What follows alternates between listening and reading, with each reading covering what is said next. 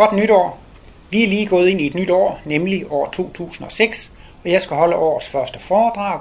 Det er nemlig i dag, lørdag den 7. januar 2006, og titlen på mit foredrag det er Skæbne, arv og miljø. Ja, dagens tema det er skæbne, arv og miljø. Jeg har også holdt det her foredrag i Roskilde, så begyndte jeg at snakke om arv og miljø, og kom aldrig nogensinde til skæbne.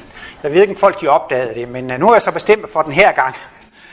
Og begynde med at snakke om skæbne, så jeg når at få det med. Og det er meget vigtigt, det her med skæbne. Folk må selvfølgelig leve, hvordan de vil, men jeg tror, at de fleste mennesker alligevel alle gerne vil være glade, lykkelige, sunde og raske og have et harmonisk liv.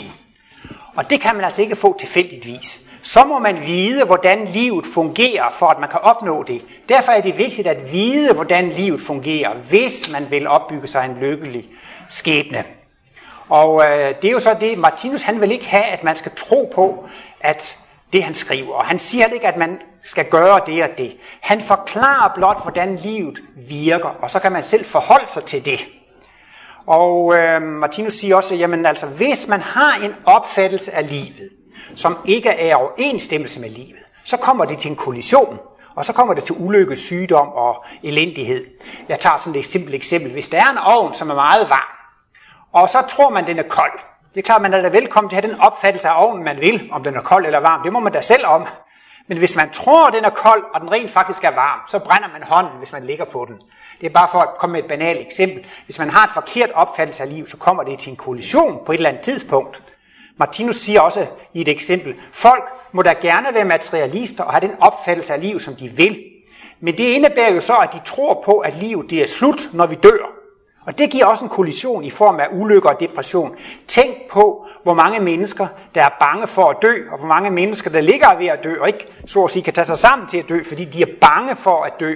Plus, at det måske det værste, at det er grædt spandevis af tårer over mennesker, som er døde. Forældre, der har haft børn, der er døde, og den kære ægtefælle, der er død, og gode venner, som er døde. Folk har grædt og grædt over det. Og det kan man sige, det er altså konsekvensen af at have en forkert indstilling til liv. Så kommer det altså til, til, til sorg og ulykke. For Martinus mener, man vil se helt anderledes på det, når man forstår, at livet er en evig foretagelse, og at man selv er en evig foretagelse. Så får man et helt anderledes forhold til det. Og det er også meget vigtigt at forstå det her med skæbnen, hvordan det virker. Og øhm, det findes faktisk med i Bibelen. Der er jo et sted, øh, hvor der står, at man, skal, at man vil komme til at høste, som man har sået. Og Jesus siger også, at man skal gøre det mod andre, som man vil have, at de skal gøre mod en selv. Ellers så er det også meget kendt i Østen i form af karma-loven. Og det er faktisk også kendt inden for fysikken. Der har man en lov om årsag og virkning. Og man taler også om Newtons tredje lov, som siger, aktion er lige med reaktion. Men årsags- og virkningsloven siger egentlig, at man kan ikke gøre noget, uden det har en konsekvens.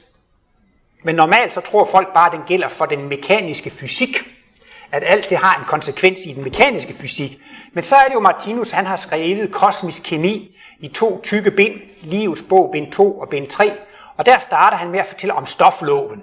Det er ikke bare den fysiske materie, som reagerer lovbundet. Det gør de åndelige energier også. Jeg er jo selv kemiker, og jeg har jo læst massevis af bøger om lovbundne kemiske reaktioner. Og er man ikke kemiker, så har man sikkert brugt kogebøger og opskrifter og recepter. Og det er netop fordi, at sukker altid smager sødt, og salt altid smager salt, og peber altid smager som peber, at det kan lade sig gøre at skrive gode kogebøger.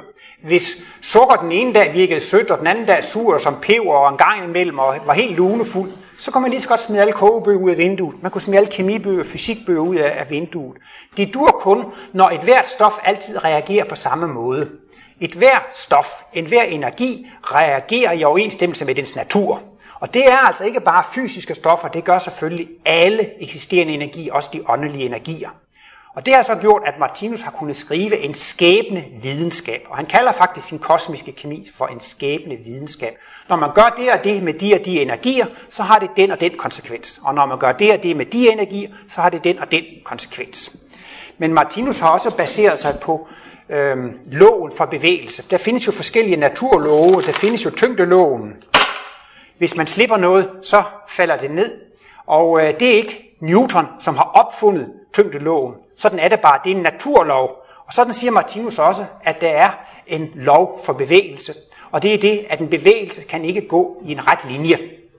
Og det har Martinus øh, tegnet et symbol over, det er symbol nummer 15, som i øvrigt hænger der i sort-hvid derovre på væggen midt for. Der er en hvid cirkel, det er den kugleformen, det er alle kosmiske bevægelsers grundbalance. Og så øverst op er der en ret linje. Men Martinus fortæller, at den linje er i virkeligheden ikke ret. Han har været ude på græsplænen med, med en pind og en snor og en blyant, og tegnet den med en radius på 20 meter. Og nu er den jo forstørret op, så den der er måske en, en del af et buestykke med en radius på 100 meter. Så ser det ud, som om det er en ret linje. Men jeg synes, det er lidt interessant, at den moderne astronomi faktisk kan bekræfte det her med, at den rette linje findes ikke. Øh, man er jo ved at beskrive de observationer, man gør i universet. Det er det her, man går ud fra den her store eksplosion, Big Bang, fordi alle de galakser, man kan se, de flygter fra hinanden. Og hvis man så tager Einsteins relativitetsteorier med i beregningen og skal beskrive universet, så kommer man til, at den rette linje ikke findes, den ikke eksisterer. Det astronomerne observerer, kan ikke beskrives med en plan geometri. De er nødt til at gribe til noget, man kalder for en krum geometri, hvor jo altså to parallelle linjer, der er afstanden den samme, men de skærer hinanden i det uendelige. Og hvis man går fra et punkt til et andet punkt, så kan man kun gøre det af en krum vej. Og det er jo, synes jeg, næsten en slags bekræftelse på, at Martinus' øh, bevægelseslov er rigtig. Der var en gang, jeg fik for mig, at jeg ville undervise i fysik i gymnasieskolen, og så skulle jeg have undervisningskompetence i fysik. Og jeg havde lært meget fysik, men jeg havde ikke lært astronomi, og det skal man kunne for at undervise i gymnasiet. Så gik jeg ind på universitetet og tog et kursus i astronomi 1. Og tænk som mundtlig eksamensspørgsmål, så trak jeg et spørgsmål, som hed kosmologiske udviklingsmodeller. Det synes jeg var meget interessant. Og det handlede altså om rummets krumning. Og, og nogle måneder senere, det var for kun to måneder før Martinus døde, det var i januar 81, så benyttede jeg lejligheden til at spørge Martinus, Martinus, er det rigtigt, at rummet krummer? Nej, sagde han. Det er energierne, der går i kredsløb. Og det synes jeg var meget interessant. Jeg ved ikke, jeg har sådan spekuleret på, måske kan det være, at man forveksler årsag og virkning. Hvis alle energier går i kredsløb, så har det den konsekvens, at universet krummer. Øh, det der symbol, som I ser derovre, har jeg læst i en gammel dagbog af Alf Lundbæk. Han øh, hjalp Martinus i, fra 1928 til 32. Ham, hans mor og hans søster hjalp Martinus økonomisk, og en dag så var Alf Lundbæk på besøg hos Martinus og Gerner, og så sagde Gerner stolt, dette symbol og loven for bevægelse, det er et matematisk bevis på skæbneloven. Og han var jo ingeniør, ham Lundbæk. Nej, det er jo ikke noget bevis, det er jo bare en tegning. Og, nej, det kunne han og Gerner blev ved med at argumentere for, at det er bevist ved det symbol. Det synes Lundbæk nu ikke. Og så skulle man høre Martinus' mening. Og han sagde bare, hvis man ikke kan se det, så kan man bare lade det ligge. Og sådan er det jo tit. Martinus han vil ikke overbevise folk om sine analyser. Hvis man synes, det er rigtigt, at man kan bruge det, så kan man bare tage det. Og hvis man ikke synes om det og synes, det er forkert, så er der ingen grund til at argumentere. Så kan man bare lade det ligge. Og Martinus har også meget sympatisk sagt, at man kan tage det af hans analyser, man kan bruge, og så kan man lade resten ligge. Man behøver slet ikke at købe hele pakken eller gå ind for det hele. Hvis bare der er et par guldkorn, man kan bruge, så er man meget velkommen til det, og så skal man bare lade resten ligge. Så det er jo klart, at hvis man vil have et, et lykkeligt liv og en lykkelig skæbne, så gælder det om at gøre ting, som har den konsekvens, at det fører til lykke, glæde, harmoni og, og sundhed. Og Martinus taler ganske enkelt om, at der findes én lov for tilværelse, livsloven. Og den går ud på, at man skal være til gavn, glæde og velsignelse for levende væsener. Hvis man er til gavn, glæde, velsignelse for levende væsener, så handler man i overensstemmelse med livsloven. Men vi har fri vilje, og vi kan handle med livsloven, og vi kan handle imod livsloven. Og når vi handler imod livsloven, så er vi altså egoistiske og selviske. Vi gør noget til fordel for os selv, som skader andre. Men det er vi altså frit. Vi har et frit valg, om man vil handle med livsloven eller mod livsloven. Men hvis man handler mod livsloven, så får det altså de samme konsekvenser, som man har påført andre. Den skade, den ulempe, det ubehag, man har påført andre, det får man altså selv påført. Og det var jo netop det, der var finessen med det, at man selv ville være glad og lykkelig. Og det viser de kosmiske analyser. Der er kun én vej til at blive glad og lykkelig, og det er at gøre andre glade og lykkelige. Og derfor siger Martinus sådan lidt humoristisk, det er min mission at vise, at det betaler sig at være god. I dag gør folk nemlig kun noget, hvis det betaler sig. Og lige for tiden ser det ud til, at det betaler sig at investere i fast ejendom og investere i aktier eller øh, investere i pensionsordning eller hvad nu det kan være. Og det er klart, folk de er så intelligensbetonede og så fornuftsbetonede, de gør kun ved det, der betaler sig. Tænk så, hvis man virkelig kan vise sig, vise, at det betaler sig at være god. Det er virkelig noget, der vil forandre verden. Det vil få en helt anden kurs på verden. Og derfor har Martinus altså lavet en hel videnskab, der viser, at det betaler sig at være god. Og man kan sige, det er jo altså hele den her skæbne videnskab. I dag er der mange mennesker, som er meget trætte. Og det er så almindeligt med udbrændthed og udbrændthedssyndrom og træthedssyndrom og depressionsudbrændthed osv. Og øh, Martinus mener, at det er tænkningen, som er skyld i det. Og det er simpelthen negative tanker, som er årsag til det. Og øh, det mest typiske tankefejl, man gør, det er at føle sig selv uretfærdigt behandlet. Man føler sig som et offer, man føler sig uretfærdigt behandlet. Jeg er selv ekspert i det. Jeg er født i fiskens tegn, og det skulle være de største martyrer af alle 12 stjernetegn. Altså, man synes, hvor er det synd for mig, og stakkels mig. Men det giver jo ikke lyst og glæde til tilværelsen. Og tit, så kan man leve et helt formørket liv. Min ægtefælle ødelægger faktisk mit liv. Fordi øh, havde den ægtefælle ikke været der, har ikke haft de problemer. Eller det kan være et af børnene, som giver en masse problemer. Hvis det barn ikke havde eksisteret, så havde jeg ikke haft de problemer. Hvis jeg ikke havde haft den chef eller de kollegaer, hvis de bare havde været væk, så havde jeg ikke haft de problemer. Men nu er de der, og så har jeg sagt, at de skal holde op med det, og de skal lade være med det. Men man kan ikke ændre på de andre. Man kan godt nok ændre på sig selv, men hvorfor i alverden skulle jeg gøre det? Det er jo de andre, der har gjort fejlen, så der er jo ingen grund til at ændre på mig selv. Og så kommer man så til at leve i nogle triste tanker. Hvor er det synd for mig? Og det er det, Martinus kalder for martyriumstanker. De urkristne, de var jo martyrer. De troede på Jesus, og så blev de slået ihjel og dræbte. Der kan man jo altså sige, at de har egentlig ikke gjort noget ondt. De gik i forvejen med et godt eksempel, ligesom Jesus havde gjort, men de har egentlig ikke gjort noget ondt. Og det er jo det billede, man gerne vil have af sig selv, at man er en uskyldsren engel, og det er de andre, som hele tiden gør forkert. Og øh, I får alligevel en halv reklame her i foredraget. Der er et Martinus-foredrag, som han har holdt i 1955, som hedder Den unaturlige træthed. Og det arbejder instituttet på at få udgivet, så man kan købe det på CD. Og ellers så henviser Martinus næsten altid til denne unaturlige træthed, til martyriumstanker. Men et sted siger han også, i det foredrag, som snart kommer på banen, at hvis man er ked eller træt af sin livsstilling, så kan man også komme til at lide af unaturlig træthed. Og det er jo altså måske mere i gamle dage, nu kan man hurtigt skifte, men i gamle dage gik folk jo i år ud og år ind i en livsstilling, og hvis man virkelig var ked af det, tænk, hvis man hver eneste dag går på arbejde og ikke har lyst til at gå på arbejde. Det er ikke godt. År ud og år ind går man på arbejde uden at have lyst til det. Det er klart, at det giver mentale kortslutninger, det giver mangel på livskraft og livsløst og livsmod, og det fører altså til denne unaturlige træthed. Og øh, hvis man er blevet træt af at arbejde, så er der håb om, det kan repareres. Det kan repareres med søvn og hvile. Al naturlig træthed kan repareres med søvn og hvile, så det er en enkel match. Det er meget nemt at gøre. Men eftersom der findes en træthed, altså den unaturlige træthed, som ikke skyldes fysiske omstændigheder, kan man ikke komme af med den ved at hvile sig rent fysisk. Man kan kun komme af med den ved at arbejde på sin egen bevidsthed. Og der må man altså prøve at finde ud af, hvad det er for nogle fejl, man gør i sin egen bevidsthed. Martinus fik engang et brev fra en mand, som åbenbart var meget syg og meget handicappet. Og øh, da medarbejderne læste det brev, som han havde skrevet, syntes de, det var så godt, at det skulle publiceres. Og så blev det jo så publiceret som kære her NN. Mange tak for deres brev og den tillid, de har vist mig ved at... Og det er så også blevet publiceret som brev til en syg ven. Og det er sikkert mange af jer, der kender den, og på et tidspunkt, måske stadigvæk, øh, havde, har vi den her på instituttet som en brochure. Og Martinus siger så, at han kan ikke lave mirakelhelbredelser. Det hører ikke til hans mission at helbrede denne mand.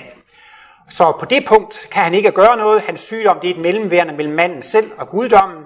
Men Martinus kan måske give ham nogle gode råd, så han kan lære at tage sin skæbne på en anden måde. Og der er jo netop, hvis man ligefrem er født handicappet og sidder i rullestol, har svære sygdomme, hvis man bliver kørt ned af en spritbilist og bliver sendt i en rullestol osv., det er svært at tage det med livsløst og livskraft og sige, det var jo nok dejligt med nogle udviklingsmuligheder. Det giver jo chancer for nogle helt nye erfaringer, som jeg ellers ikke ville kunne have fået. Nej, sådan reagerer man normalt ikke. Man reagerer jo på den måde, at mit liv er blevet ødelagt af den spritbilist. Mit liv er blevet ødelagt af den læge, som satte det forkerte ben af, eller min øh, liv er blevet ødelagt af mine forældre, fordi de behandlede mig sådan.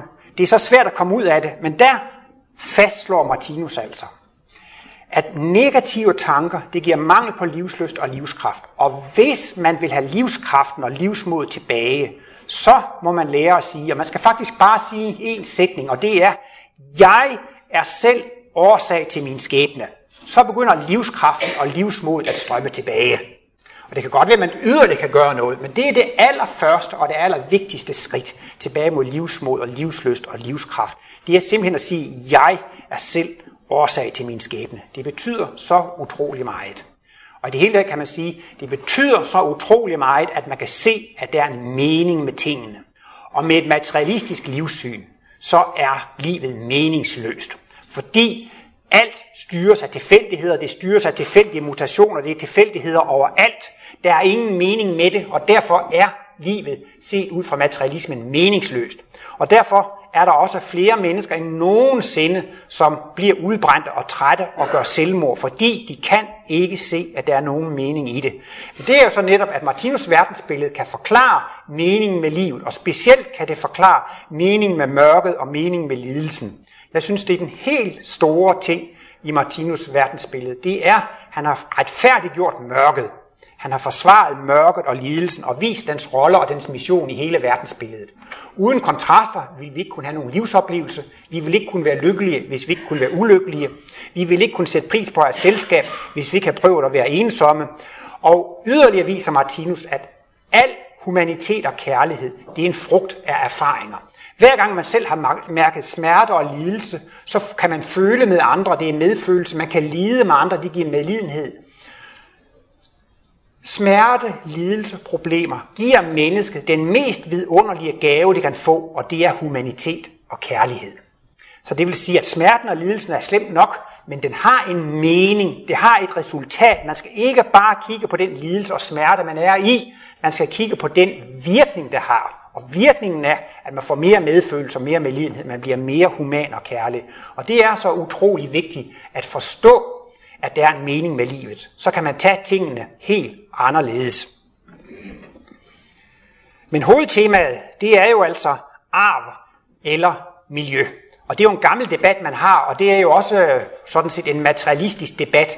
Er mennesket bestemt af dets arv, eller er det bestemt af dets miljø? Og der har været en strid, og nogen er meget skarp tilhængere af det ene synspunkt, og nogen er meget stærke tilhængere af det andet synspunkt, og man ser det som øh, meget modstridende. Er det arven, eller er det miljøet, der bestemmer, hvordan et menneske bliver?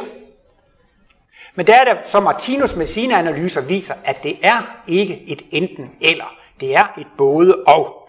Og der viser Martinus jo altså, at man skal ikke bare regne med det nuværende liv. Man bliver nødt til at regne med det levende væsens evige fortid. Og når man tager den evige fortid med i betragtning, så må man sige, at både arv og miljø, det er konsekvenser af den evige fortid. Det, der er så karakteristisk for Martinus verdensbillede, og det, der gør, at Martinus han kan forklare alting logisk, det er, at det er et evigt verdensbillede. Alle forklaringer på livet, som har en begyndelse, de er ulogiske. Fordi man kan ikke få nogen forklaring for begyndelsestilstanden, hvis man ikke har en fortid at referere til. Det kan lyde meget godt, at Gud har skabt hele verden, som den nu er. Det er for en 6-7.000 år siden, ifølge Bibelens skabelsesberetning. Så skabte han mennesker og dyr, og så blev giraffer skabt, som de er, og sumpeokser, som de er, og flodheste, som de er, og mennesker, som de er. Men er det retfærdigt? Hvorfor skulle mennesken, mennesket have mere intelligens end regnormen og fladormen og flodhesten og krokodillen? Hvordan kan det være, at disse væsener ikke skal have nogen mulighed for at udvikle sig til højere stadier. Man kunne til nøds bære over med, bære over med Gud, hvis han har skabt nogle primitive væsener. Hvis de havde en mulighed for at udvikle sig til højere tilstande. Men det har de jo heller ikke ifølge skabelsesberetningen. Man er skabt én gang, som man er. Og man må sige, at det er dybt uretfærdigt, at alle ikke er skabt ens, at alle ikke har de samme muligheder. Og det kan ikke forklares eller begrundes, fordi det har en begyndelse. Selvom man er nok så videnskabelig indstillet og materialistisk indstillet, så er Big Bang-teorien også meget ulogisk. Selvom den er meget besnærende ud for de observationer, man kan gøre med de her flygtende galakser osv., så må man sige, Ja, men hvad var der så før Big Bang? Og hvorfor eksploderede det? Det kan man ikke få nogen forklaring på. Altså tiden er t lige 0, der eksploderede det. Men hvad var der før, og hvorfor eksploderede det? Man kan ikke få nogen forklaring på det. Så hvis man vil have en logisk forklaring på alting, så skal alting også hele tiden have en fortid, som man kan referere til. Og det er måske meget enkelt, men det er et meget afgørende træk i hele Martinus verdensbillede. Det er denne antagelse om, at livet er evigt. Martinus han skældner meget skarpt mellem evige ting og skabte ting. Og en skabt, en skabt ting har haft en begyndelse, og det har en afslutning. Og netop fordi det har en begyndelse, kan man begrunde, hvorfor det eksisterer. Hvorfor eksisterer den her bog? Jamen det var fordi, der var en mand, der skrev en bog, og fordi der var en, der trykte den, og så forsvinder den gang. En hver skabt ting med en begyndelse har en begrundelse. Men derudover, siger Martinus, der findes ting, som ikke har nogen begyndelse. De har altid været der, de har altid eksisteret der. Og heldigvis findes der én ting inden for naturvidenskaben, som kan gå bekræfte det. Og det er termodynamikkens første hovedsætning, loven om energiens konstans. Man siger, summen af energi er konstant. Og det betyder også, at summen af energi er evig. Hvis man spurgte, hvorfor eksisterer energien, så må man bare sige, det gør den bare. Jamen, hvornår begyndte energien at eksistere? Jamen, det er jo aldrig begyndt, den er jo konstant. Man kan ikke lave energi ud af ingenting. Kunne man det, så havde vi løst energiproblemet. Som man siger på engelsk, we've got plenty of nothing. Vi har masser af ingenting. Så så kan vi sagtens lave energi ud af ingenting. Det kan bare ikke lade sig gøre. Så på det ene punkt, der er naturvidenskaben med på, at der findes et fænomen, som er evigt og som er ubegrundet. Hvorfor eksisterer energien? Og man kan ikke få bedre svar end, ja, det gør den bare. Det må vi leve med. Den er der. Og den har altid været der. Og der går Martinus så skridtet videre og forklarer, at der findes noget, som hedder bevidsthed. Og bevidsthed, det er evnen til at opleve, og det er evnen til at handle. Man kan også sige, at bevidsthed er jo en side af det levende væsen. Hvornår opstod bevidstheden? Og der har naturvidenskaben og biologerne et kæmpe problem, som de overhovedet ikke har forklaret. De har ikke forklaret, hvordan døde molekyler er blevet til molekyler med bevidsthed. De har ikke kunnet forklare, hvordan de første døde molekyler blev til levende molekyler. De har ikke kunnet forklare, hvordan bevidstheden er opstået. Man har noget, som man kalder for emergensteorien. Emergensteorien, det lyder meget videnskabeligt. Jeg tror, det kommer engelsk emerge, kommer til syne, dukker op. Og så siger man, på et tidspunkt, når de her neurokemiske molekyler er tilstrækkeligt komplicerede, så opstår bevidstheden spontant. Men det svarer jo til den her middelalderlige teori med, at mus og lopper og utøj, det opstår, hvor der er snavs. I dag så ved vi jo, at, at mus og lopper og utøj kan jo ikke opstå, bare fordi det er snavset. Øh, det, men de troede i gamle dage, sådan nogle ting, de opstår af sig selv, der hvor det er snavset. Og sådan tror naturvidenskaben altså også, hvis der bare kommer lidt døde molekyler, der er lidt kompliceret, så opstår livet af sig selv. Men det er altså det at sige, at bevidstheden opstår af sig selv, det er faktisk det samme som at sige, at man ved det ikke, de kan ikke forklare det. Og der er Martinus' forklaring jo meget enklere.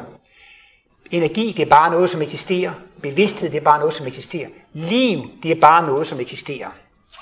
Der er ingen forklaring på, hvorfor energien eksisterer. Det gør den bare. Der er ingen forklaring på, hvorfor bevidstheden eksisterer. Det gør den bare. Der er ingen forklaring på, hvorfor livet eksisterer. Det gør det bare. Og hvert levende væsen har også et evigt jeg. Hvorfor eksisterer så jeg? Hvornår begyndte mit jeg at eksistere? Det er heller aldrig begyndt. Det har altid været der. Og det giver et helt anderledes perspektiv på det hele, hvis man altså kan gå ud fra, at alting det har en evig fortid. Men materialisterne de er så forblændet på den fysiske krop, og tror, at man er identisk med den fysiske krop. At man opstår, når man bliver født, og at det slutter, når man dør. Der er jo også nogen, der har den her, det her morsomme argument øh, med, med reinkarnationen, som går ud på, er det ikke mere mystisk, at man kan blive født første gang, end at man kan blive født anden gang? Altså jeg mener, hvis der var en klog menneske, der kunne forklare mig, hvordan, et, hvordan det kan lade sig gøre, at et menneske bliver født første gang, og kan forklare hele mekanismen, så vil jeg godt påtage mig at forklare, hvordan et menneske kan blive født anden gang. Det er da et meget mindre mysterium, at man bliver født anden gang, end man bliver født første gang. Og øh, man siger jo altså, at materien er ophav til bevidstheden, altså at psyken, bevidstheden, det er en sidevirkning ved materien. Altså man mener simpelthen, at materien det er ophav til liv og tanker, og på den måde er det jo faktisk altså også materien, der har skabt det her hus. Altså hvordan kan døde ting skabe sådan ting? Det er jo helt øh, uforståeligt. Martinus mener virkelig, det er at vende tingene på hovedet. Det er livet, det er jeg, det er bevidstheden, der bruger materien som et redskab. Martinus siger lige frem, hele den fysiske verden er en udkrystalliseret tankeverden. Alt, hvad der findes i den fysiske verden, det er udtryk for tanker. Og naturvidenskab, de vender totalt op og ned på det. De siger, det er det fysiske, som er årsag til tanken. Det er det fysiske, det er det primære. Alt det fysiske, det er det primære. Og det har så senere længere hen ad vejen affødt noget, der hedder bevidsthed og tanker. Og Martinus siger jo så altså også, at den fysiske verden det er udkrystalliseret tanke. Netop ikke bare menneskets skabelser, men også alle naturens skabelser. Så man kan sige, at det fysiske materie, det er faktisk modellervoks for det levende væsen. Det er jo det modellervoks, som det levende væsen kan have at udtrykke sig igennem. Så derfor ser man jo totalt forskelligt på det inden for naturvidenskaben og inden for, for kosmologien. Og man får en helt anderledes forklaring på arv og miljø, når man ser på livet i et evighedsperspektiv. Når man hele tiden kan gribe tilbage til at forklare det levende væsens forudsætninger i form af dets fortid. Man mener, at man udvikler sig i kraft af, at der opstår mutationer, og blandt de opståede mutationer, så er det de bedst egnede, der overlever. Men motoren i udviklingen, det er altså tilfældigheder. Og man ved ikke, hvor, hvor udviklingen sejler hen af, fordi det er jo tilfældigheder, der styrer det hele. Men man kan dog se, at udviklingen går fra primitive stadier til mere udviklede stadier. Det ser virkelig ud til, at det går fremad og opad. Og man har faktisk to vidt forskellige modeller for udvikling. For hvis vi ser på vores eget liv, så kan man spørge, hvordan udvikler vi os selv? Det er jo efter ordet. Øvelse gør mester. Hver gang vi har studeret og trænet og øvet os, så har vi udviklet os. Hvordan skal jeg blive bedre til at spille klaver? Hvordan skal jeg blive bedre til at spille skak? Det er træning og øvelse. Hvordan skal jeg blive bedre til det ene eller det andet? Det er kun praktik, træning og øvelse. Og det virker så logisk. Basis for vores personlige udvikling er erfaringsdannelse. Hver gang man har gjort en oplevelse, hver gang man har gjort en erfaring, så har man udviklet sig. Hver gang man har trænet, og hver gang man har øvet, så har man udviklet sig. Men det er lige med nul i den biologiske udvikling. I darwinismen spiller erfaringsdannelse overhovedet ingen rolle. Det er simpelthen bare mutationer og tilfældigheder. Og så er det det, at det er de bedste egne blandt de opståede tilfældigheder, der overlever. Så der er overhovedet ikke noget som helst bevidsthed i det. Og det er jo mærkeligt, at man kan have sådan to vidt forskellige begreber for udvikling. Men det er jo så det der det geniale ved Martinus forklaring, at han kan forklare, at der findes kun én model for udvikling. Den model for udvikling, vi kender fra os selv, den gælder også i biologien, det gælder også i de store. Og det, der er det helt centrale i Martins forklaring, det er begrebet talentkerner. Han forklarer altså, at vi har nogle evner og nogle talenter. Og det er lige frem nogle åndelige eller psykiske organer. Og han taler altså om, at en talentkerne skabes i tre trin, et A, et B og et C-stadium. Eller han taler også om, at man kan have en viden, på tre stadier. Der er noget, der hedder A-viden, og noget, der hedder B-viden, og noget, der hedder C-viden. Og hvis I specielt vil læse om det, så står det i slutningen af Logik, som er en introduktionsbog, som Martinus skrev allerede i 1933-34. Så det er meget, og der taler han altså om, at hvis et talent er på A-stadiet, så er det A-viden, og det er dagsbevidst, hjernebevidst viden. Man ved altså en ting, og så kan det også være, at man ønsker at øve sig det kan være, at man har lidt forstand på musik, man har hørt musik, man er interesseret for musik, og man elsker at lytte til musik, og så en dag, så siger man, bare det var mig, det kunne spille så dejligt. Og så får man lyst til selv at spille. Og så begynder man minstanden at tage undervisning. Og så begynder man at træne og øve. Man øver skala, man træner og praktiserer. Og efterhånden er det nogle ting, de går mere og mere af sig selv, og det går mere og mere automatisk. Man behøver ikke at tænke på, hvor man skal sætte fingrene. Og og øh, til sidst, når man har trænet længe nok, så bliver man en virtuos. Man kan blive et geni. Og der taler Martinus om, at så er det kommet op til C-viden, så er det altså kommet op på genistadiet. Jeg har set en reklame i TV2. Ja, I tror ikke, jeg laver enten at se fjernsyn. Men det er heller ikke helt forkert. Men der er et lille barn, som sidder og støjer, og moren kan ikke holde ud og høre på, hvordan barnet støjer. Så tager hun en hel masse malebøtter, og så maler hun nogle tangenter røde og gule og grønne og blå. Og så maler hun de tilsvarende noget røde og gule og grønne og blå, så, hun, så barnet der i det mindste kan trykke på de rigtige tangenter. Sådan tror jeg også godt, jeg kunne lære at spille. Og det synes det der, det der alle tiders system. Så kan man se på farven, hvad for en tangent man skal trykke på. Men hvis det virkelig er en virtuos, der spiller, så kan man se store partiturer med noget. Øjnene fejrer bare hen over noderne, og fingrene løber hen over tangenterne helt automatisk. Der er ikke noget med at sige, nu skal lillefingeren trykke på en sort tangent, og lange finger på en hvid tangent. Det løber helt automatisk, helt virtuost. Og det er altså basis for udviklingen, at et talent kan skabes i tre stadier. Og så siger Martinus altså, når man træner og øver, så skabes der et åndeligt organ, som han kalder for en talentkerne, og den vokser sig altså større og større, og det bliver faktisk et selvstændigt organ, som arbejder uafhængigt af hjernen og dagsbevidstheden. Altså en virtuos tænker sig ikke på, hvad for, nogle, hvad for nogle tangenter. Fingrene løber bare henover, helt automatisk. Jeg kan huske også dengang, jeg for mange år siden skulle have kørekort, så synes jeg, der, og jeg skulle købe det køreprøve en dag, hvor det var sne, og så skulle man bruge, så skulle man blinke, og så skulle man viske, og så skulle man skifte gear og træde på koblingen, og jeg synes, det var alt for mange ting altså at tænke på. Men når man er en rutineret bilist, så kan man godt, så spørger de, hvorfor skiftede du gear? Når skiftede jeg gear? Ja, det lader man sig ikke mærke til, altså man gør det helt automatisk. Så det, der er fordelen ved at danne nogle automatfunktioner, det er, at dagsbevidstheden frigøres til at lære noget nyt. Jeg plejer at komme med et her eksempel. Hvis nu man skulle tænke på, nu skal jeg flytte højre ben, og nu skal jeg flytte venstre ben, så skulle man tænke på, nu skal hjertet slå 80 gange i minuttet, og nu skal jeg ånde 15 gange i minuttet. Så er det jo livsfarligt at gå ud i trafik. Man risikerer at blive kørt over, fordi man hele tiden skulle tænke på det. Hvis man så skulle tænke på, at nyrerne skal arbejde, og nu skal leveren også arbejde, og det kunne man slet ikke klare. Så det er en kæmpe fordel, at der findes visse organer eller funktioner, som kan overtage det automatiske. Og det vil altså sige, at at bevidstheden bliver frigjort til at gøre andre ting. Og det er lidt interessant, det går Martin måske ikke så meget ud af, men det er faktisk også så interessant, at vi er jo opbygget af organer, der er opbygget af celler, der er opbygget af endnu mindre mikrovæsener. Og hvis man opøver et nyt talent, så inkarnerer der faktisk altså også nye mikroindivider, som varetager de der automatiske funktioner. Så hvis man bliver meget virtuos til at spille, så sker der rent faktisk det, at det bliver dannet nogle nervecentre i rygmarven, og det inkarnerer faktisk også nogle mikrovæsener i, i nervesystemet og fingrene, som varetager den der automatiske, den der automatiske funktion. Men altså, en talentkerne er altså en struktur, som ligger uden for det skabtes verden. Nu kunne man godt synes, at en talentkerne, det må være noget skabt. Men hvis nu man ser på en billedhugger, han har skabt mange skulpturer, så er skulpturen jo det skabte ting. Og har han skabt 100 skulpturer eller 1000 skulpturer, så har han efterhånden fået et talent for at skabe skulpturer. Og så kan man selvfølgelig også sige, at den talentkerne er noget skabt. Men det er jo mere et resultat af en lang række skabelser, ikke sandt? Det er essensen af en lang række skabelser, at han har fået dette talent. For Martinus han siger nemlig, at de her talentkerner, de findes ikke i kroppen, de findes ikke i de seks grundenergier. Disse talentkerner, de lagres op i overbevidstheden i X2. Og det er disse talentkerner, som har den viden og information til, hvordan kroppen skal laves. Ikke bare den fysiske krop, men alle de åndelige kroppe. Og Martinus argumenterer meget enkelt. Hvis man skal bygge et hus, så må man på forhånd vide, hvordan man skal bygge et hus. Der må være tegninger og planer og modeller. Altså man må på forhånd vide, der må være en viden om, hvordan man skaber et hus, før man skaber et hus. Så argumenterer han på samme måde. Jamen vi har jo en fint fungerende fysisk organisme. Før den fysiske organisme bliver skabt, så må der jo være noget, som ved, hvordan en organisme skal skabes. Og den viden og den information, den findes i talentkernerne. Og fordi når den viden, der skal til for at skabe en krop, må findes forud for kroppen, så kan den jo ikke have sin bopæl i kroppen. Den må eksistere uden for kroppen. Og det er altså talentkernerne. De har ikke deres sæde i den fysiske krop, og heller ikke de åndelige grundenergilæmer. Det har altså sin, sin, sin rødfæstelse op i overbevidstheden.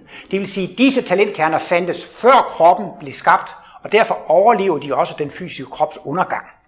Og det er så det, der bliver finessen det her med, med hele arven, altså at vi kan altså gøre nogle erfaringer, som bliver lagret og som ikke er spildt, selvom kroppen dør og falder bort. Man har i virkeligheden øh, en meget ejendommelig forklaring på, på det her med arven, altså arvemassen. Vi har 23 kromosomer fra far og 23 kromosomer fra mor, og de danner så 23 kromosompar, og der findes al den viden, der skal til for at skabe en en, en krop. I ved også, når man kloner, bare man tager en lille bitte celle, selvom det er fra et koyver, så er al den information i cellen, den er i cellekernen, der indeholder det her DNA. Der er information op til at lave en hel ko, hvordan den skal, øjet skal laves, og hvordan den skal se, og hvordan nyrerne skal fungere, og hvordan den skal vifte med halen og det hele.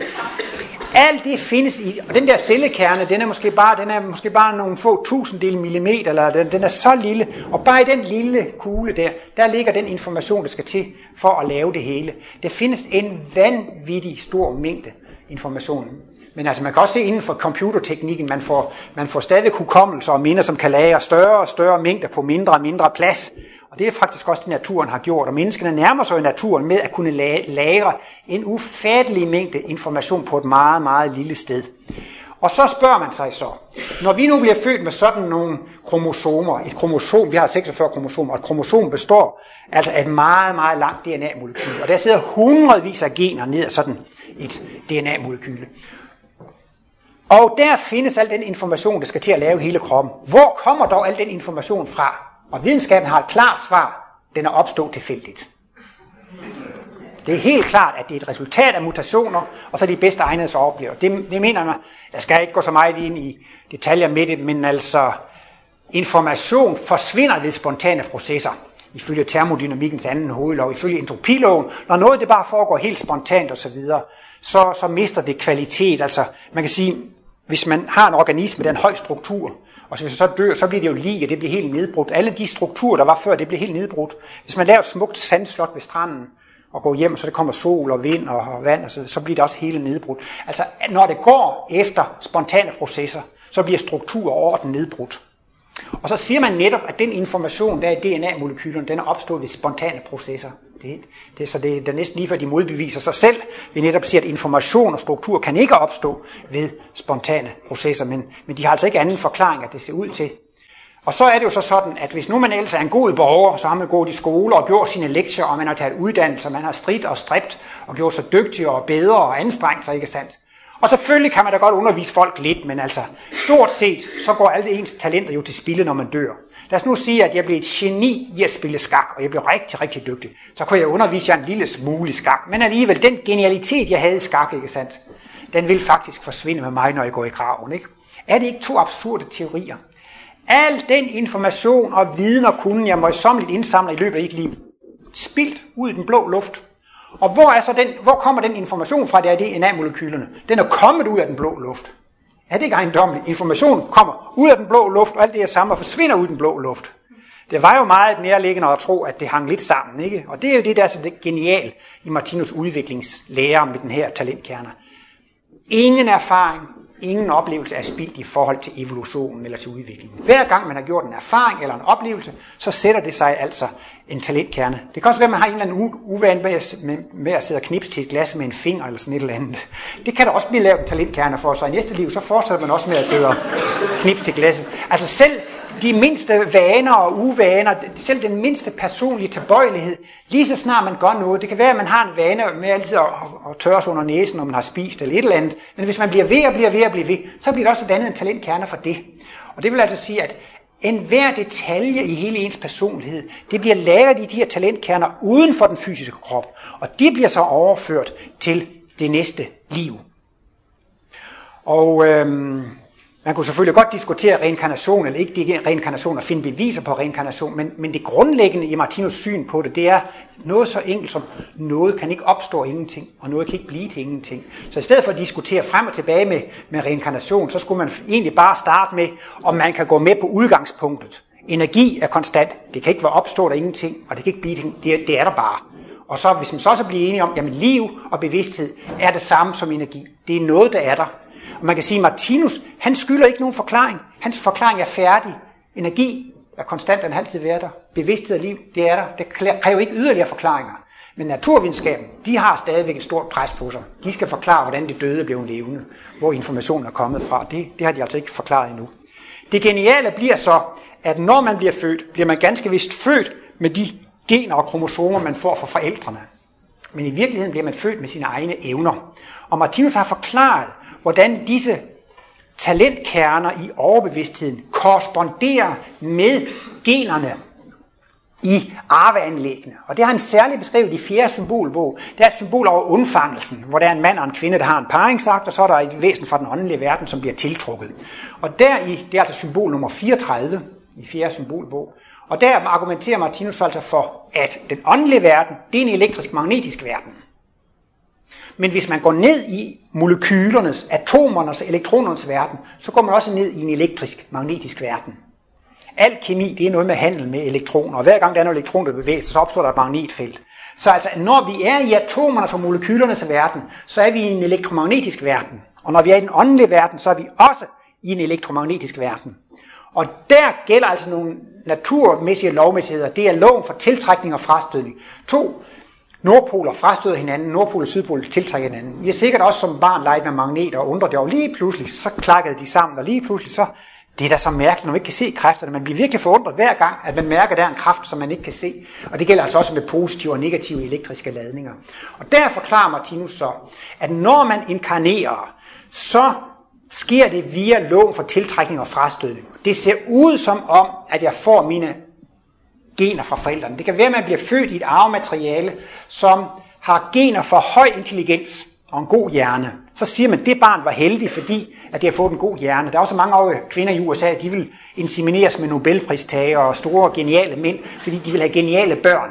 Det vil altså sige, at man kan få nogle, nogle sæddonorer, som har en meget høj intelligens og gode gener for det. Så tror man, at at det er det, der er årsagen til, at barnet bliver intelligent. Men lad os nu sige, at planen lykkes, og de bliver insemineret med sådan en Nobelpristager, og barnet bliver meget genialt. Så er Martinus forklaring på det, at, at det intelligente barn, som bliver født, har selv i et tidligere liv optrænet sin intelligensfunktion.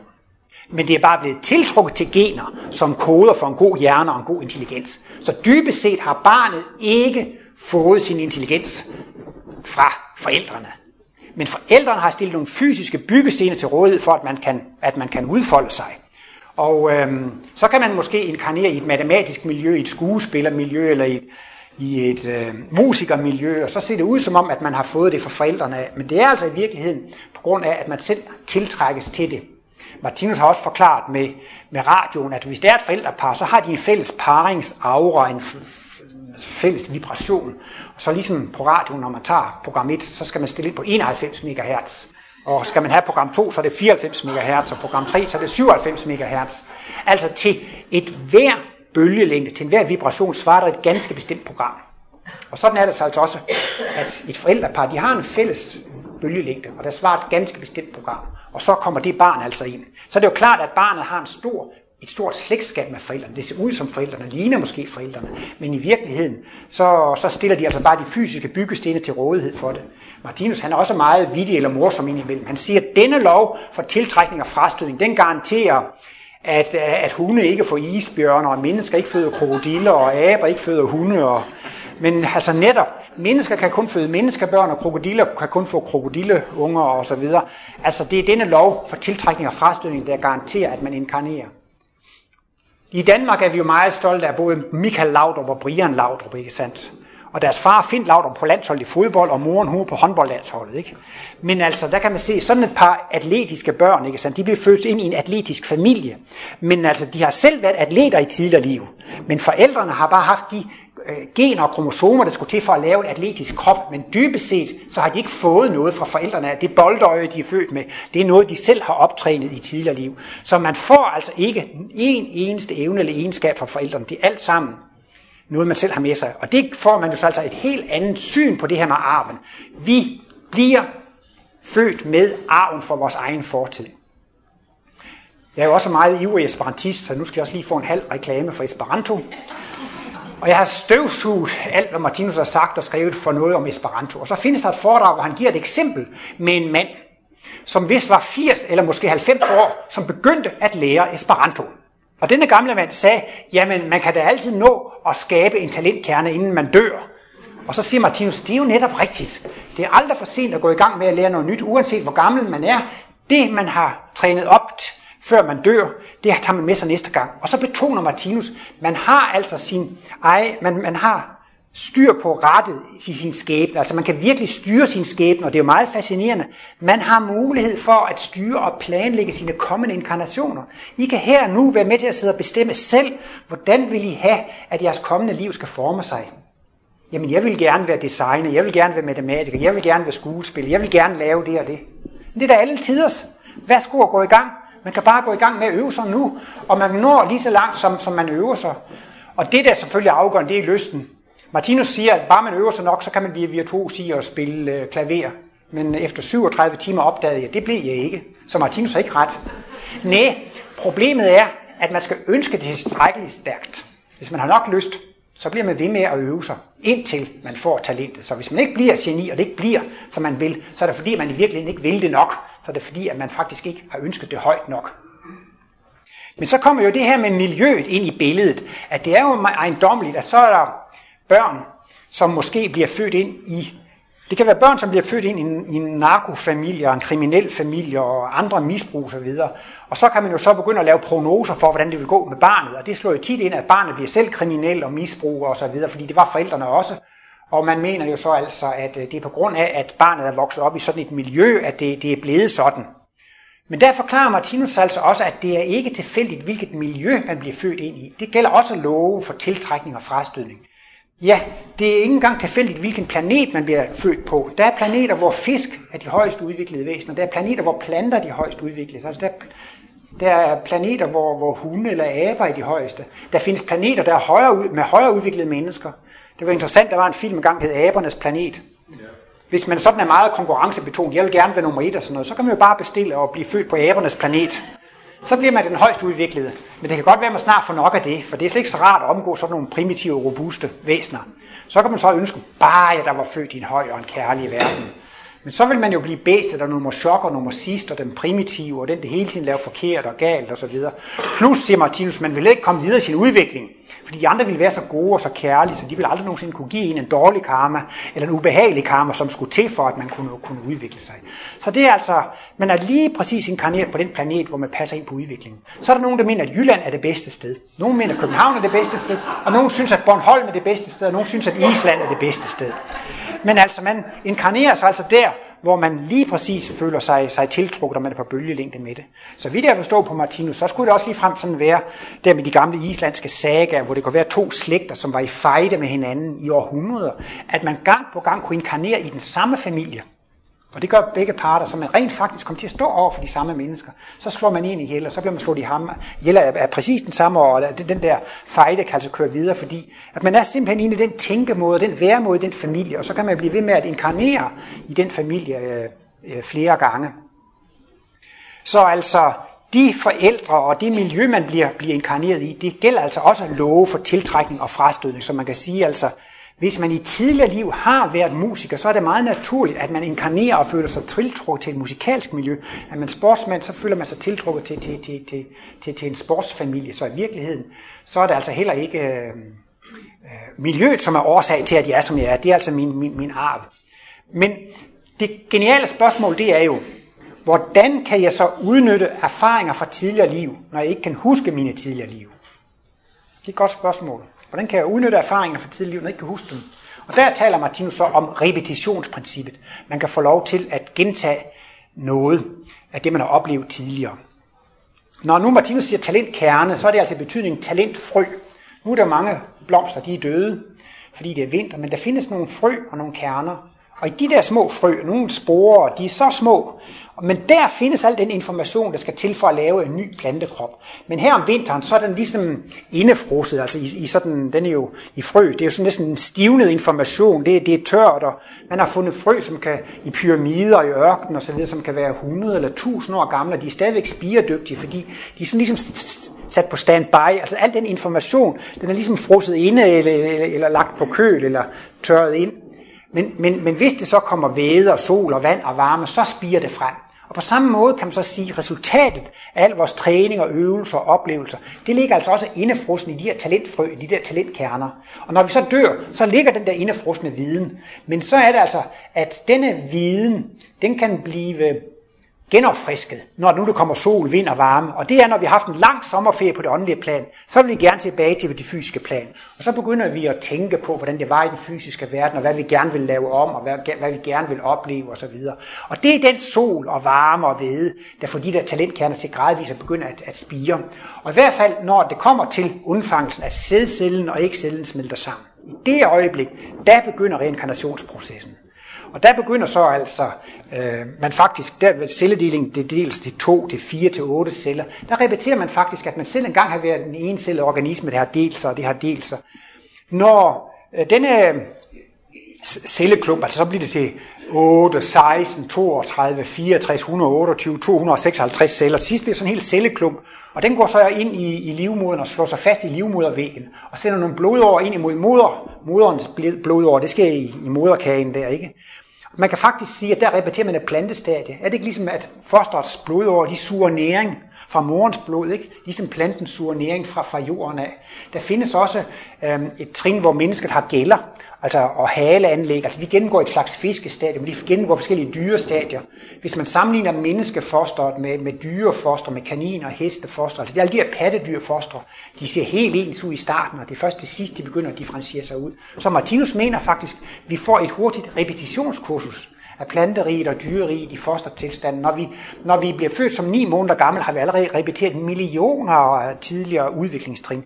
Og det er også det mærkelige ved det, at mennesket bliver født med gribereflekser. Børn, hvis de bliver kildet det rigtige sted under fødderne eller i hånden, så, så griber de, som om de skulle kravle rundt i træerne. Og de har ikke levet før, altså ifølge materialisterne. Hvad, hvad søren skal børn have gribereflekser? Hvor har de det fra, hvis de ikke har levet før? Og hvad skal de i øvrigt med det, når de ikke skal kravle rundt i træerne? Men det er altså fordi, at det har de gjort en gang, og det er indbagt i deres personlighed, deres evner og talent osv., så, så det er nogle automatfunktioner, som sidder der fra deres evige fortid, selvom de ikke skal bruge dem. Så, og, og så børn, de leger jo far og mor og børn og cowboy og soldater. Og, ja, Martinus, han var jo ikke gift og sådan noget, og han blev tit spurgt, om han var gift. Så sagde han, jo, jeg er gift med hele verden. Og så sagde han jo, ja, det der med ægteskabet, det fik jeg repeteret allerede dengang, jeg var 5-6 år, så det var nok for Martinus at lege lidt far, mor og børn. Så, så, så, så vidste han, hvordan det system det fungerede, så behøvede han ikke at blive gift. Og sådan er det jo, at hvis vi repeterer ting, der ligger langt tilbage i tiden, så, så sker det meget hurtigt. Hvis I gerne vil vide noget om, hvad, hvad I har været i tidligere liv, så kan jeg svare jer, der skal I se på, hvad I var interesseret i som børn. Hvad gik I op i? Der var den overgang, hvor der var nogle drenge, de har siddet og tegnet hus eller lokomotiver og tegnet og tegnet. Det er ikke tilfældigt. Det er noget, de har beskæftiget sig med i tidligere liv. Alt, hvad man har været glad for at sysle med. Små børn, der sidder ved gaden og handler med Anders Andblad og muslingeskaller og blyanter og brugte legetøj og sådan noget. De repeterer, at de har været handelsmænd i tidligere liv. Også, hvad, hvad, hvad, hvad for nogle billeder vil børn og unge gerne have hængende på deres værelser, og hvad, hvad, hvad beskæftiger sig med? Det afslører alt sammen hvad de har beskæftiget sig med tidligere. Det er muligt, at man i tidligere liv har haft nogle spil med sten og pinde og så videre, men så kan man jo bare gøre det på en computer. Altså princippet er det samme. Altså har man leget med nogle spil i tidligere liv, så kan man bare lege med nogle andre spil nu, men altså princippet er, er det samme. Takket være det der repetitionskursus, så kan man altså genopfriske de tidligere liv. Der findes også, når børnene går ind i puberteten, så har man en kæreste på to, i to uger eller to måneder. Man går på diskotek og bytter den ene partner ud med den anden osv. Ja, det er da klart, man skal have repeteret en hel masse ægteskaber, så derfor har man altså virkelig mange kærester og venner i den der alder. Det kan også godt være, at man har den samme i lang tid, men så må man kunne repetere principperne med den samme ved at, at gå igennem sådan et, øh, et, et forløb. Men takket være dette repetitionskursus, så kan man få bragt erfaringerne fra de tidligere liv op i de nuværende livs dagsbevidsthed.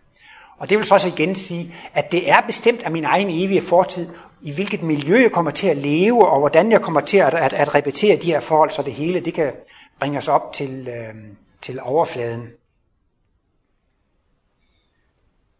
Så man kan sige, altså, at man kan ikke under nogen omstændigheder give sine forældre skylden for, at man er sådan, som man er, og man kan ikke under nogen omstændigheder give miljøet skylden for, Ja, altså jeg er jo desværre krimi- altså, jeg er kriminel, men det er det ikke noget jeg gør ved, fordi jeg er opvokset i et kriminelt miljø.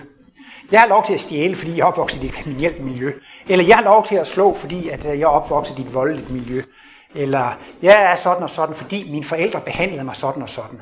Det er jo altså det, der skal til som medicin for at fjerne denne unaturlige træthed. Det er, at man skal tage ansvar for alle ting, for alting i sit liv. Lige så snart man begynder at fedte af på andre, det er systemets skyld, og det er indvandrernes skyld, og det er statsministerens skyld, og det er værets skyld, og det er chefens skyld, og kollegaernes skyld osv., så er man faktisk ude i en slags fejltænkning og negativ tænkning, som gør, at man kommer til at miste livskraft og livsmod.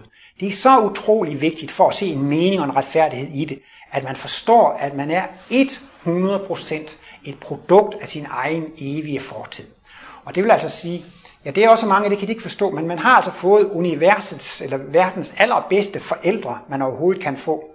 Altså der er nogen, der siger, jeg kunne nu godt have forestillet mig, at jeg kunne få nogle bedre forældre. Men altså, for at lære det, vi skal lære på det nuværende udviklingstrin, så har vi altså fået de forældre, der har været de allerbedste. Og nogle gange skal vi gå igennem noget meget svært og vanskeligt, for at få nogle erfaringer, nogle oplevelsesmuligheder, som vi ellers ikke ville have, have haft, som, som virkelig kan bringe os frem i, øh, i udviklingen. Så det er altså så vigtigt at forstå, at der er en 100% retfærdighed i livet med hensyn til mine evner og med hensyn til mit miljø. Det har kun mig selv at skylde eller, eller, eller, eller kritisere. Og der er det som Martinus siger, det er jo ingen grund til at være sur eller vred på, at folk har et bestemt alder. Det er jo tåbeligt jeg tåler ikke folk, som er 33 år og 17 og 11. Dem kan jeg ikke snuppe. Men alle andre, de er gode nok. Eller så kommer der en eller anden, som er 10 år, og så siger man, jamen dit lille pjok, hvad har du lavet hele sommeren? Du burde jo allerede være 15 år eller 20 år nu. Det er jo fuldstændig absurd at forvente, at folk har en anden alder end den, de har. Men vores udviklingstrin, det er vores kosmiske alder. Det er lige så tosset overhovedet at kritisere og være sur på andre mennesker. Det er, at man er sur på, sur over, at de har den alder.